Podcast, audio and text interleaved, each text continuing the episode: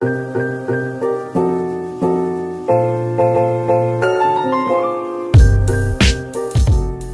semua, dengan saya Fani Amalia. Gimana kabarnya semua? Semoga sehat selalu ya. Kali ini kita akan membahas tentang COVID-19 khususnya untuk lansia.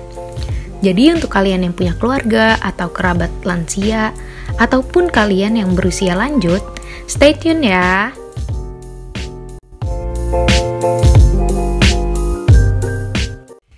Sudah hampir setahun Indonesia dilanda oleh pandemi COVID-19 atau Coronavirus Disease 2019 yang terhitung sejak awal Maret. Namun, hingga kini pandemi ini masih belum terkendali. Jumlah kasus positif dan kematian masih tergolong tinggi di Indonesia. Virus corona dapat menginfeksi semua orang tanpa mengenal kelompok usia. Namun, World Health Organization menyebutkan bahwa lansia atau lanjut usia yang berumur 60 tahun ke atas lebih rentan terpapar virus ini. Selain itu, lansia juga berisiko mengalami kondisi lebih parah saat terinfeksi COVID-19.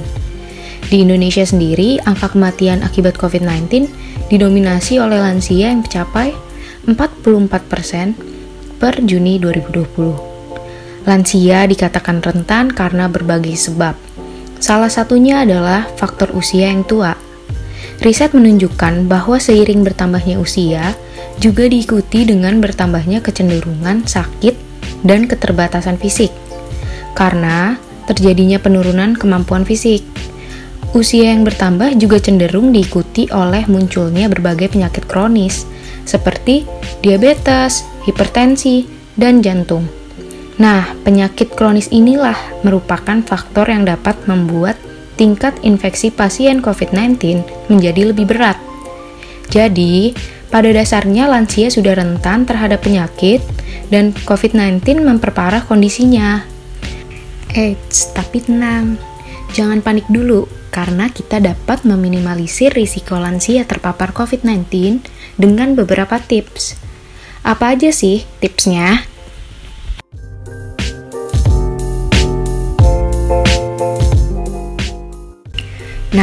Ada beberapa tips khusus lansia agar terhindar dari COVID-19. Pertama, gunakan masker. Pastikan masker menutup rapat hidung, mulut, hingga bawah dagu. Jangan menyentuh masker bagian depan dan jika ingin melepas masker, pegang tali kaitan.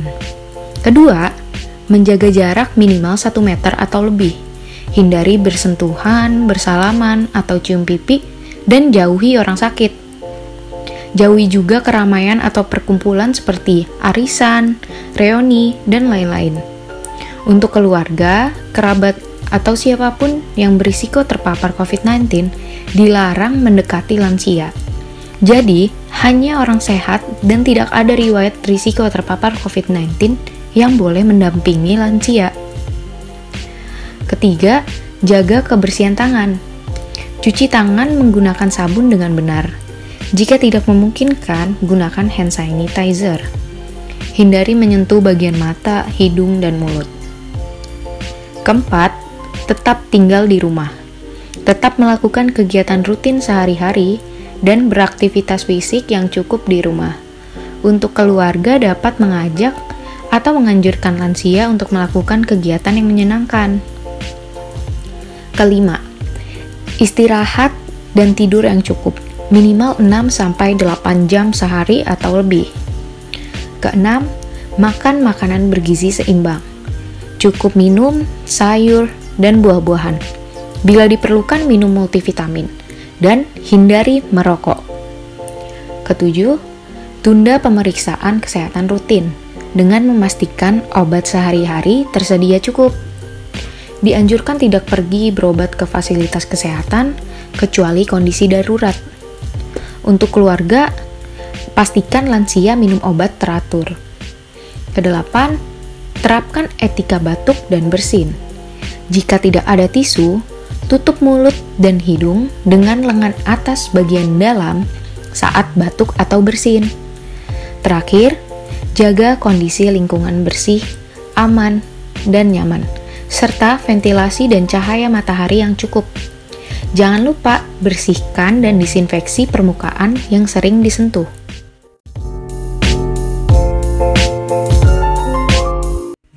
Mari kita bersama-sama menjaga agar lansia terhindar dari COVID-19 dengan menerapkan tips tersebut. Sekian informasi yang dapat saya sampaikan. Mohon maaf bila ada kesalahan. Sekali lagi, tetap tenang, jangan panik, dan tetap berdoa. Stay safe and keep healthy. Sampai jumpa di podcast berikutnya. Bye.